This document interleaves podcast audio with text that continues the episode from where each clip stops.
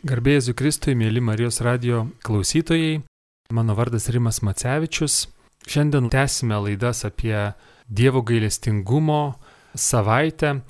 E, nuo Velykų iki Dievo gailestingumo sekmadienio švenčiame Dievo gailestingumo savaitę. Vilnius vadinamas Dievo gailestingumo miestu, čia gausu įvairių vietų susijusių su gailestingumo kultu. Ir Ypatinga piligrimystės vieta Vilniuje yra Šventojios Faustinos namelis, esantis Antakalnyje. Ir šiandien laidoje man labai malonu pristatyti Šventojios Faustinos namelio koordinatorių Petrą Matskelą. Garbėjai Jėzui Kristui. Per amžius. Bus labai įdomu iš jūsų išgirsti apie Šventojios Faustinos namelį kaip piligrimystės vietą. Galbūt klausytojai, kurie nėra ten buvę, susidomės ir kai tik bus galima apsilankys, o kurie negalės atvykti, galbūt susidarys gilesnį įspūdį, kas ten yra, ką ten galima pamatyti ir kuo tas e, Šventosios Faustinos namelis yra ypatingas.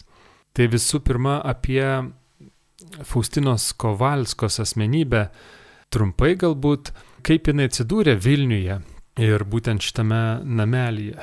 Šventoji sesuo Faustina Kovalska e, priklausė Dievo gailestingumo motinos kongregacijai, kurių vieni iš namų buvo būtent Vilniuje, e, dabartinėje Vinco Grybo gatvėje, tuometinėje Senatorska gatvėje. Ir Faustina šiam, šiuose namuose gyveno du kartus. Pirmą kartą į Vilnių buvo atvykusi dar 1929 metais būdama novice, buvo paskirta pavaduoti kitą e, seserį, kuri išvyko į Lenkiją trečiai probacijai. Ir tuomet sesuo Faustina e, dirbo virtuvėje, praleido Vilniuje keletą mėnesių. Gavusi paskirimą į Vilnių, Faustina kart verkė ir skundėsi Jėzui. Jėzau, kodėl aš turiu važiuoti į tą Vilnių, kur nežinau tos kalbos, kur niekas man ten nepažįstama ir toks buvo nenoras. E, bet atvykusi į Vilnių ir pajutusi seserų nuoširdumą, nes jos bičiuliai iš noviciato laikų e, sesuo Justina tą progą net išveitė namelėje grindis, tuomet buvo grindis nedažomos, o šveičiamos iki baltumo. Tai ir labai maloniai kitos sesutės ją priėmė. Faustina buvo labai patenkinta ir kai jau antrą kartą 1933 metais po amžinųjų įžadų Krokuvoje vėl buvo paskirta į Vilnių kaip daržininkė, jis su džiaugsmu priėmė šitą paskirimą ir su dideliu džiaugsmu atvyko į Vilnių.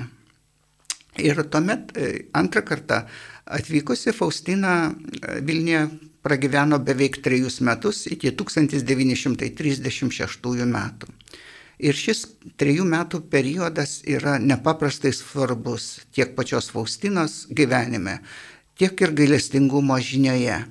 Nes e, kaip Faustina rašo savo dienoraštyje, keistai Jėzus e, tą gailestingumo žinę, pat, e, gailestingumo reikalą sutvarkė.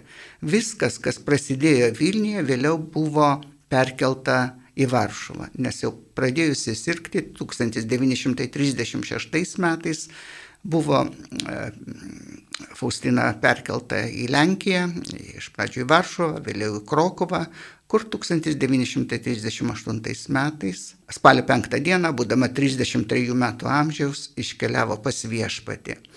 Ir jau Lenkijoje iš, ir tęsiasi ta, tas pradė, Vilniuje pradėtas gailestingumo uh, žinios klaidos darbas. O pati Faustina, tai tiesiog ji nuo, nuo pat mažumės, nuo septyniarių metų žinojo, kad uh, ji bus šventoji. Ir to šventumo siekia visą savo gyvenimą, siekia labai sąmoningai iki pat paskutinio atodusio. Įdomi detalė, kad e, vieną kartą Faustinai nesisekė kažko, kažkoks dalykas ir Ir kiek jį besistengė, vis, vis niek, niekaip e, nepasisekdavo išspręsti to, to reikalo. o nak, vieną naktį susapnavo šventąją Teresėlę. E, Faustina e, labai gerbė šventąją Teresėlę, laikė ją savo mokytoją dvasinėme kelyje. Ir iš sapne Faustina iš karto nepažino Teresėlės. O vėliau, kai atpažino, pradėjo ją klausinėti. Teresėlė pažadėjo, kad po kelių dienų tas reikalas susitvarkys, nepergyvenk.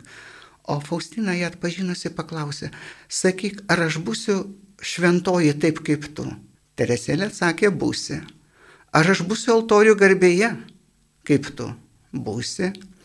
Ir toliau ir toliau Faustina pradėjo klausinėti ir apie savo tėvus, brolius, seseris, kol paskui e, Teresėlė jau pranyko.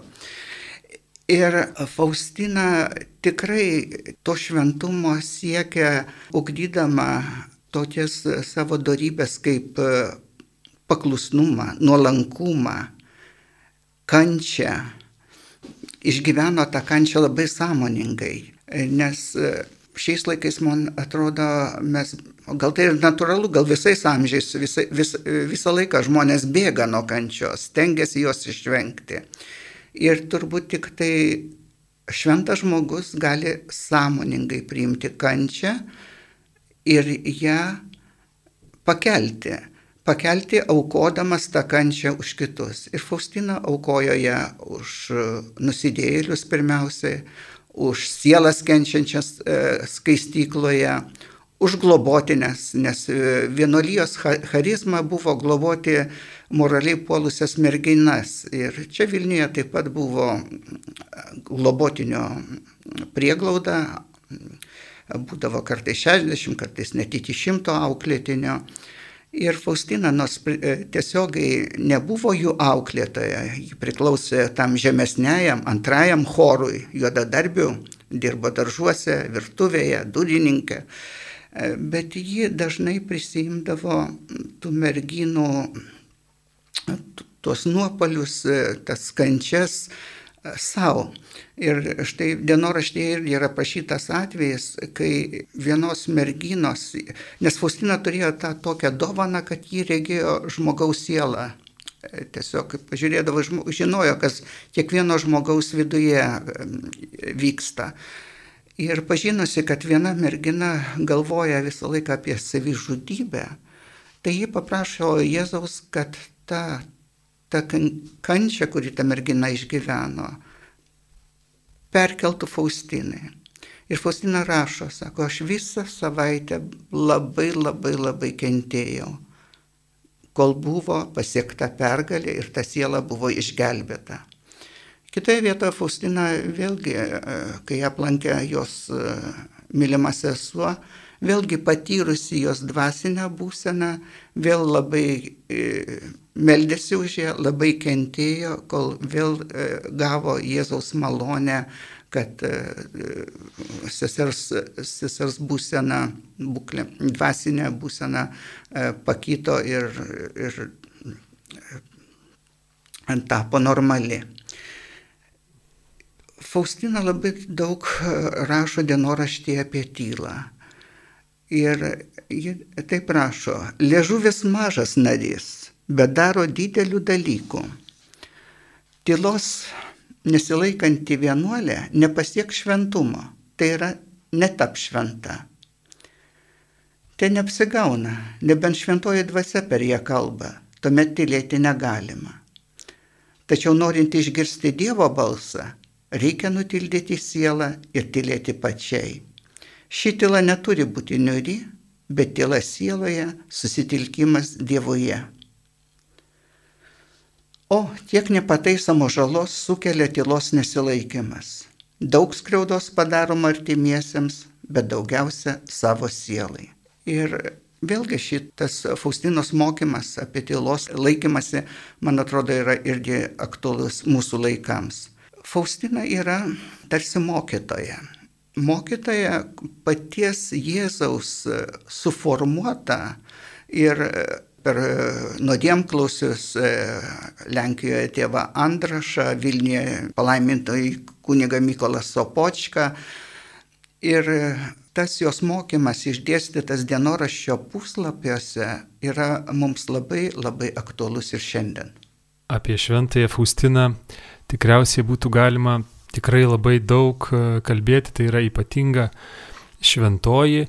Ačiū Jums, Petrai, už pristatymą Šventosios Faustinos trumpą laidos pradžioje.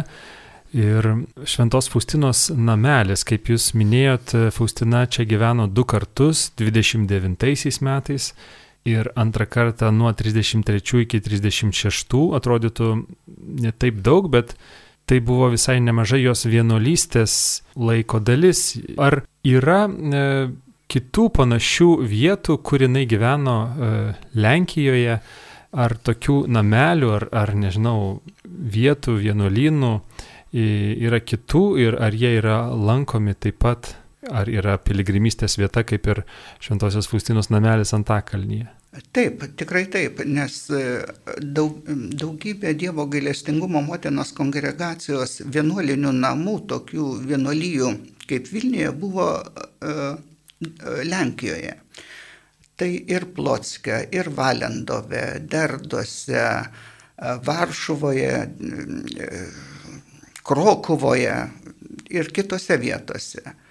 Ir daugelį vietų Faustina taip pat yra gyvenusi, nes e, tas kilnojimas iš vienos vietos į kitą e, buvo normalus reiškinys ir, ir Faustina vat, ir Vilniuje gyveno irgi du kartus.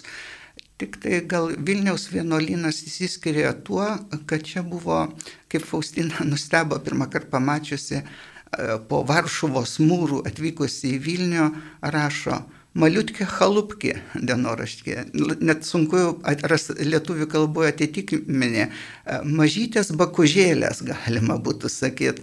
Ir, ir jie nustebino, kad va, tą vienuolyną sudaro būtent tie medin, mediniai, paprasti, tokie mediniai nameliai, sukrypę, nelabai išvaizdus.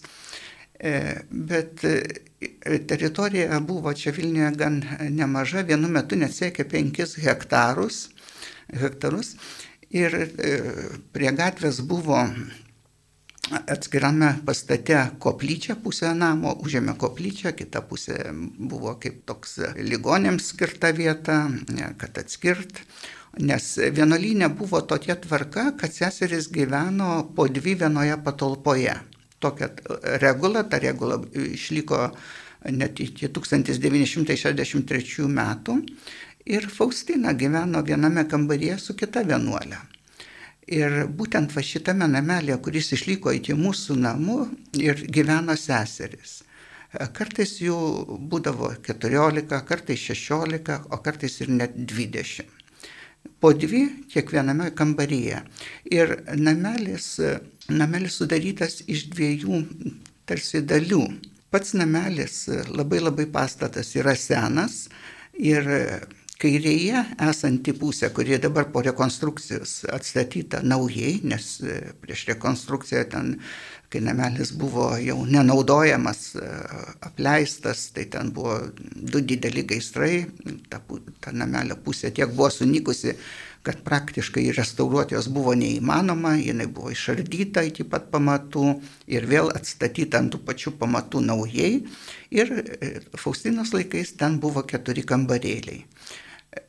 Kita dešinėje pusėje esanti namelio dalis taip pat išlikusi daugiau autentiška, ten išsaugota tai, kas, kas išliko, ką galima buvo išsaugoti. Toje pusėje kaip tik ir gyveno sesuo Faustina. Dabar toje vietoje yra Šventos Faustinos pirmo laipsnio relikvija, jos kojos pėdos kaulelio dalelė, šalia palaimintojo kunigo Mykolo Sopočkos rankos piršto kaulo dalis, jos tūla autentiška, rožinis ir dėžutė.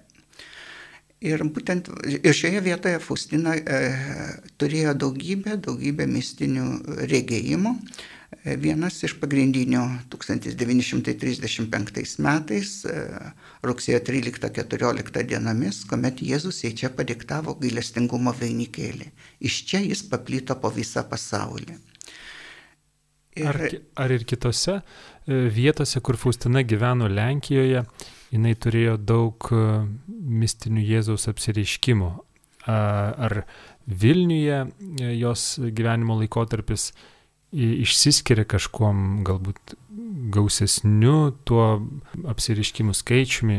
Taip, aš manau, kad Faustina e, turbūt visą laiką bendravo tas e, su Jėzumi, tas nenutrūkstamas ryšys, e, pokalbiai, išgyvenimai, jie lygdėjo visą gyvenimą ir ypač jau vienuoliniais metais, ypač stiprus ryšys buvo paskutiniaisiais gyvenimo metais Krokuvoje, mirties patale, kuomet, kai paskutinį kartą prieš pat mirtį rugsėjo mėnesis, 35 metais rugsėjo mėnesį ją aplankė tėvas Mykolas Opočka, tai jis tiesiog matė jau tą būtybę, kuri jau, jau susivienijusi su Jėzumi. Su, ir mistinė būtybė, kuri jau, jau, jau negyveno tiesiog šiame, šiuo pasauliu.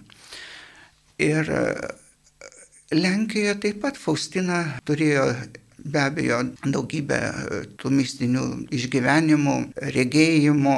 Ir pats pirmasis gailestingojo Jėzaus paveikslo regėjimas buvo būtent Plotsko vienuolyne 1931 metais vasario 22 dieną kuomet e, Faustina pamatė e, Jėzų, e, iš jos einančius spindulius ir raginimą, nutapyk mane tokį, kokį mane matai. Tai truko trejus metus iki 1934 metų, kol ta, ta vizija čia Vilniuje, Rasų gatvėje esančiame, taip pat išlikusiame namelėje, tapo realybė tie trys metai nepaprastai buvo sunkus Faustinai, nes nuolat regėdama, kaip jį visada dienoraštyje rašo, Jėzų kaip tame paveiksle, kuris yra gerbiamas Dievo gailestingumo šventovėje Vilniuje. Tai kai jį pasakojo nuodėmklausėms, o tie sakydavo, tu nutapyk Jėzų širdyje, čia nekreipk dėmesio, o Jėzus jai sakė, aš esu tavo širdyje, nutapyk mane ant drobės. Ji bandė tai padaryti, bet, bet aišku, jai nieko nesigavo. Ji buvo baigusi tik tre, trys pradžios mokyklos skyrius, mokėjo rašyti, skaičiuoti ten apie tapybą, ar ne, negalėjo būti ir kalbos, neturėjo tos, tos dovanos. Prašė kitų vienuolių, buvo išjuokta, pažeminta, o kai kurių motinų net labai stipriai apšaukta ir, ir net su grasinimais, nedrįsk ir galvoti apie tai, kaip tu gali, net, kaip tu drįsti įsivaizduoti, kad Jėzus gali kalbėti su tokia vargeta kaip tu. Nedrįsk apie tai net mąstyti. Ir, ir tokių, tokių pajokų pažeminimų draskoma E, Faustina pagaliau kreipėsi į Jėzų, sako, Jėzau, kodėl tu man liepi padaryti tai, ko matai, aš negaliu. Jis pati gavusi ten pieštukų ar dažų, bandė kažką daryti, aišku, jie nieko nesigavo. Ir Jėzus jai tuomet parodė e, likščiol nematytą bažnyčią, joje kuniga, tai buvo Švento Mykolo bažnyčia Vilniuje, e, o kunigas Mykolas Sopočka ir pasakė, šis kunigas tau bus regiama pagalba čia žemėje. Ir atvykusi į Vilnių, susitikusi kuniga Mykolas Opočka, Faustina, tiesiog jos širdis pradėjo iš džiaugsmo, kad pagaliau ji sutiko nuodėmklausį, kuris padės jai įvykdyti tuos, tuos Jėzaus keliamus uždavinius. Pirmiausia, nutapyti paveikslą. Ir čia vat, labai irgi įdomi detalė, kad kai e, buvo Faustinos ta pirmoji išpažintis kunigui Mikolai Sopočkai, Ir ji pasakė, kad pažįstanti kunigą Sopočką iš regėjimų, nes matė kelis kartus dar būdama Lenkijoje į savo vizijose. Ir kad Jėzus e, pažadėjo, kad jis turi, padės nutapyti paveikslą, Tai kunigas Miklas Opočkas savo atsiminimuose rašo, tą dieną aš buvau labai pavargęs ir nelabai klausiausi, ką man sako tau naujai atvykusi vienuolė. Jis ten paskyrė kažkokią atgailą ir neatsakė į tuos Faustinos prašymus, tuos, ta, ta, tos liudijimus, kad, kad jis turi įsitraukti gailestingumo darbą, turi nutapyti paveikslą. Faustina nuėjo nuo konfesionalo suglumusi. Viskas taip, kaip Jėzaus žadėta, bet reakcijos iš kunigo nėra. Bet buvo daugiau išpažinčių, Faustina kartoja tą patį. Ir tuomet įsigando kunigas Mykolas Sopočka. Ir pasitaręs su vyresnėje, Faustinai Vilniuje buvo atlikta net psichiatrinė ekspertizė. Viskas tvarkoje. Ir netrukus, netruko suprasti mm, teologijos profesorius Opočka, kad tai, ką pasakoja Faustina, ji pati, būdama tokio menko įsilavinimo, negali iš savęs e, to kalbėti, negali operuoti tokiais teologiniais terminais, tokiamis frazėmis, e, kad tai tikrai per ją kalba Jėzus. Dar labiau pasigilinęs į, į savo teologinius raštus, jis atrado, kad žinia apie Dievo gailestingumą ir ankstesniais amžiais buvo atskleista švent, įvairiems šventiesiems, tik laiko tiekmėje bažnyčioje buvo primiršta ir Faustinos laikais, ir dar prieš 60 metų, ir aš atsimenu, kad bažnyčiose buvo iš ambonų daugiausia kalbama apie Dievo teismą ir bausmę. Ir nebuvo visai kalbama apie Dievo meilę ir gailestingumą. Ir kai net e, Faustina Jėzui paklausė, sako, Jėzau, kodėl tu liepi, vat, kalbė apie tą gailestingumą, liepi, kad aš tai daryčiau, kad skleičiau jį, bet jau man sako, kad tai jau, ir, jau buvo. Ir Jėzus atsako, tai buvo, bet kas apie tai dabar kalba? Niekas nekalba. Todėl tu turi įsiskleisti visam pasauliu. Mėly Marijos radio klausytojai, šiandien laidoje svečiuojasi Šventojios Faustinos namelio esančio Antakalnyje koordinatorius Petras Matskela ir kalbame apie Šventąją Faustiną, apie jos e, gyvenimą čia Vilniuje, apie e, Faustinos namelį kaip piligrimų lankomą vietą. Taigi, Petrai, dabar kas yra eksponuojama šventa, Šventosios Faustinos namelyje, ką žmonės atvykę ten gali rasti, kokia nuotaika ir nusiteikimu ten turėtų važiuoti žmonės, ar daugiau pažintinė, ar informacijos e, suteikianti vieta, o galbūt tai yra maldos vieta, kokiomis intencijomis paprastai atvyksta žmonės ir kokiomis intencijomis jūs skatintumėte atvykti. Būtent, būtent namelis yra e, maldos susikaupimo ramybės vieta.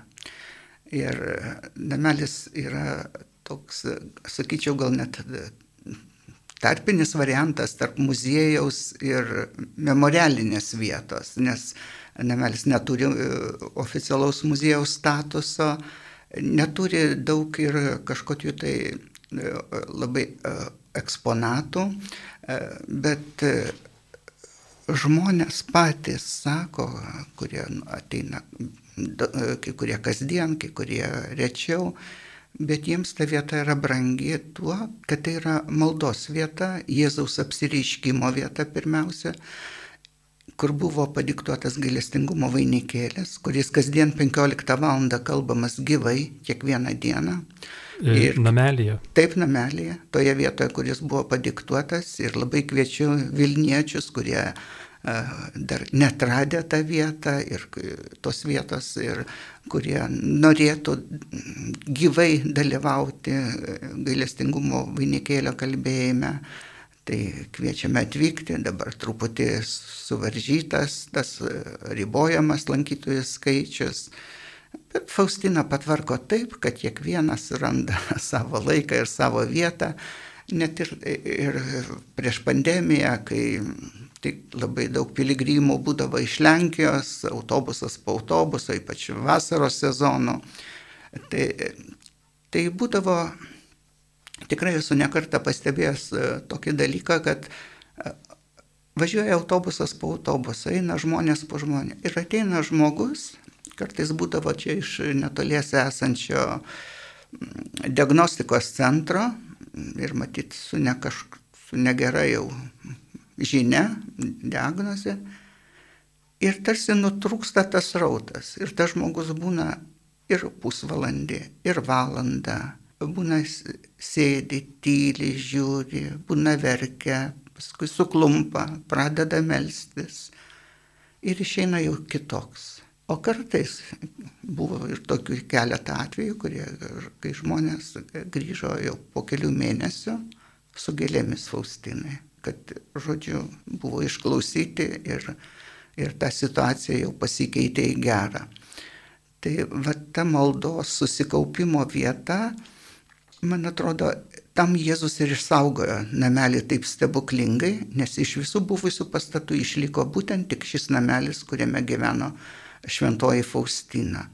Ir čia mes e, turime, kaip sakiau, ir Faustinas relikvijas, turime e, tų autentiškų e, detalių, kai kurios grindės yra išlikusios iš Faustinos laikų, krosnis visos autentiškos, atidengta dalis sienos, kai buvo dažyta Faustinos laikais, kitos detalės.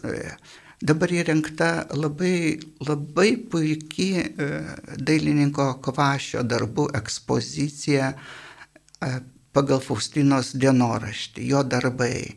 Ir, ir tie žmonės ateina, atsisėda, žiūri, masto, nes tuose darbuose labai daug, daug detalių, labai giliai perteikta tai, ką Faustina mums perdavė gailestingumo e, žinioje, rašydama savo dienoraštį. Yra trim kalbom citatos iš dienoraščio ir dailininko kvašio da, ofortai. Ir tikrai jų galima kai kuriuos įsigyti net ir namelėje, kai kurių jau yra išparduoti ir jau jų nebebus. Ir tikrai labai labai vertingi tie darbai ir labai puikiai ekspozicija. Tai irgi toks vienas iš traukos e, dalykų, dėl kurių verta aplankyti namelį. Ir e, žmonės e, atvyksta iš viso pasaulio. Aišku, daugiausiai iš Lenkijos, bet jau yra tikrai buvę iš visų žemynų. Ir įvairių, ir aukšto rango dvasininkų, ir iš Vatikano, ir, ir viskupų, ir arkiviskupų, nes namelis veikia jau 13 metų po rekonstrukcijos Ir per tą laiką tikrai apsilankė, lab, nežinau, atrodo, virš 33 tūkstančių piligrimų, nes registruojame e, besilankančius. Ir labai džiugu, kad e, iš čia sklinda ta Dievo gailestingumo žinia, kad tai yra vienas iš tos žinios sklaidos taškų, kurių yra ir, daug Lenkijoje, ten ir Krokovoje pačioje, kur, kur, Faustina, kur Faustinos yra relikvijos pagrindinės ir, ir kitose vietose. Ir, ir būtent va čia Vilniuje, kur turime tikrai net gailestingumo kelią susijusi su tomis vietomis, kur gyveno, kur dirbo Faustina ir palaimintasis kunigas Mykolas Sopočka. Atrodo, virtualiai kelias bus einamas balandžio 10 dieną, tai irgi kviečiu registruotis. Taip pat labai kviečiu mm, registruotis YouTube kanale, irgi yra namelio puslapis ir labai labai norime surinkti tūkstantį lankytojų, kad e, tuomet būtų galimybė gailestingumo vainikėlį transliuoti gyvai iš namelio. Yra ir Facebooko puslapis, kuriame irgi rasite labai dažnai būna mintis iš Faustinos dienoraščio. O Faustinos dienoraštis yra labai labai svarbus Dievo gailestingumo dokumentas. Tai nepaprasta knyga knyga, kurią reikia skaityti ne vieną kartą, nes e, kiekvieną kartą atsivertęs rasi, atrodo jau ir skaityta, bet rasi kažką naujo, nes būtent kas tau reikalinga tai dienai. Ir nereikia įsigas, kad, kad, kad jis sunkiai skaitosi. Nes e, vėlgi Vilniuje Faustina vieno, vienos vizijos metu regėjo angelą, tik nepastebėjo, kad angelas su ragais. Ir to angelo įsakmiai įkalbėta, sudegino pirmosius du sąsvinius, nes jie rašė į sąsvinius ir paskui tie sąsviniai sudėti į dienoraštį. Kai jis suvokė, ką padariusi, tai prisipažino kunigui Mikolai Sopočkai ir kaip atgailą gavo ra, ra, nurodymą rašyti toliau, tęsti dienoraštį ir atkurti tai, kas sunaikinta. Tai būdama Lenkijoje, ji prisimena, kas buvo Vilniuje ir įterpia. Įterpia ir ta, nėra tos tokios chronologijos, Ir galbūt vat, Vilniaus laikotarpis truputį ir nukentėjęs, nors dienoraštė tikrai yra daug, bet gal būtų buvę daugiau, jeigu jis nebūtų sudegintas, bet taip jau įvyko. Ir, ir reikia skaityti ir paaiškinimus, kurie yra dienoraščio gale, tuomet darosi viskas aiškiau. Dar labai padeda dienoraščio skaitime, dabar lietuvių kalba yra išversta Čečkovskos e, knyga e, Šventosios biografija, Faustinos biografija. Labai puikiai knyga, labai kruopšiai e, surinkta medžiaga ir, ir tai papildo vat, tos dienoraščio puslapius. Taip pat tai lietuvių kalba turime ir Faustinos laiškai, susirašinėjimas su kunigu Mikolas Sopočka, su draugėmis.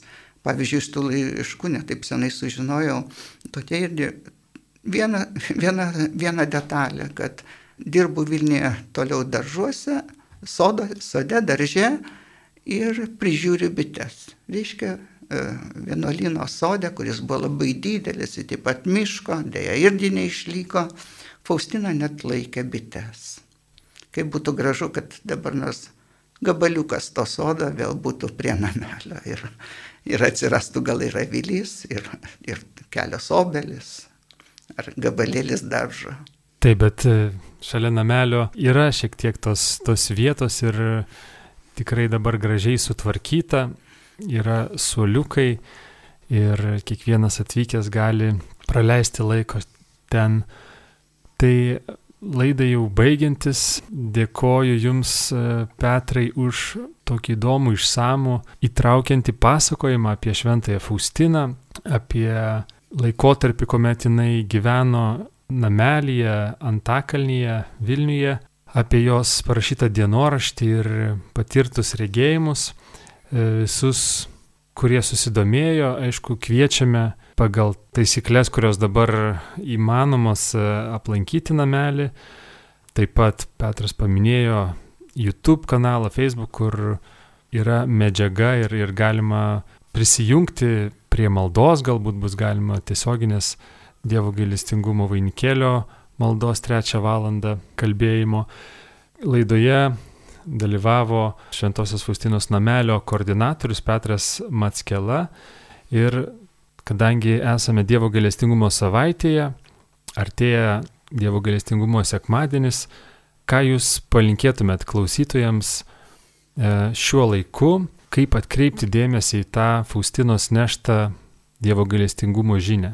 Vilnius e, garsėja kaip gailestingumo miestas. Kai šventasis tėvas e, Jonas Paulius II 2000 e, metais Faustiną paskelbė šventąją, pirmąją šio tūkstantmečio šventąją, jis paminėjo, kad Vilnius, Krokova, Plotskas ir Varšuva yra pavesti Faustinos globai, tai Faustina yra mūsų miesto globėja, ne tik šventasis Kristoforas, ir taip pat, kad tai yra gailestingumo miestai. Ir norėčiau palinkėti, kad Vilniečiai būtų tikri ambasadoriai gailestingumo žinios, kad neštų tą gailestingumo žinią, apsilankę namelyje, neštų toliau tą žinią į pasaulį. Ir daugelis tai taip, taip ir daro, nes tai yra pas mus ir vieta, kur galima įsigyti devocionalių ir dienoraštį. Ir dabar labai labai visą pasaulį keliauja ir gailestingoje Jėzaus paveikslas, ir, ir didelės drobės, ir mažesnės. Ir žmonės dažnai važiuodami į užsienį keliones pas draugus arba dabar siunčia paštu ji negali išvykti, bet būtent ta, per tai irgi yra to, tos gailestingumo žinios nešimas. Bet svarbiausia turbūt pats gyvenimas. Gyventi gailestingumu taip, kaip gyveno Faustina. Per kančią, per tylą, per nuolankumą, per paslaugumą. Ypač dabar svarbu. Neburbėkime, kad negalime nueiti į koncertą ar į teatrą. Aišku, skaudu norisi. Bet yra tokios sąlygos. Priimkime tai, galbūt net kaip ir Dievo rykštė mums nes tikrai esame jos nusipelnę. Kodėl atsirado gailestingumo vainikėlės? Faustina matė angelą, Dievo bausmės vykdytoją, kuris turėjo nubausti pasaulį. Ir ta bausmė buvo tokia didelė. Galima suvesti, kad, tai, kad tada turėjo prasidėti antrasis pasaulinis karas. Ir Faustina taip kažtai meldėsi, kad angelas negalėjo vykdyti tos bausmės. Bausmė buvo atitolinta. Taip kad Dievas ne tik gailestingas, Dievas yra ir teisingas. Ir kartais nereikia savęs taip užliuliuoti, kad čia mes, vat, Dievas gailestingas ir mes vat, tiesiai raisim į dangų. Yra dabar tas gal ir kančios laikotarpis toks. Išgyventime tai, kaip jį išgyveno Faustina. Aukodami, neburbėdami, bet pasikliaudami Dievo meilę ir jo gailestingumą. Dėkoju Jums, Petrai, už tai, kad e, atėjote čia į Vilnius Marijos radijos studiją, dalyvavote laidoje ir už tai, kad ko linkėjote e, ir pats tai darote, skleidžiate Dievo gailestingumo žinę. Ačiū ir Jums, mėly Marijos radio klausytojai, uždėmesi. Mano vardas Rimas Macevičius. E, likite ir toliau su Marijos radiju. Sudie.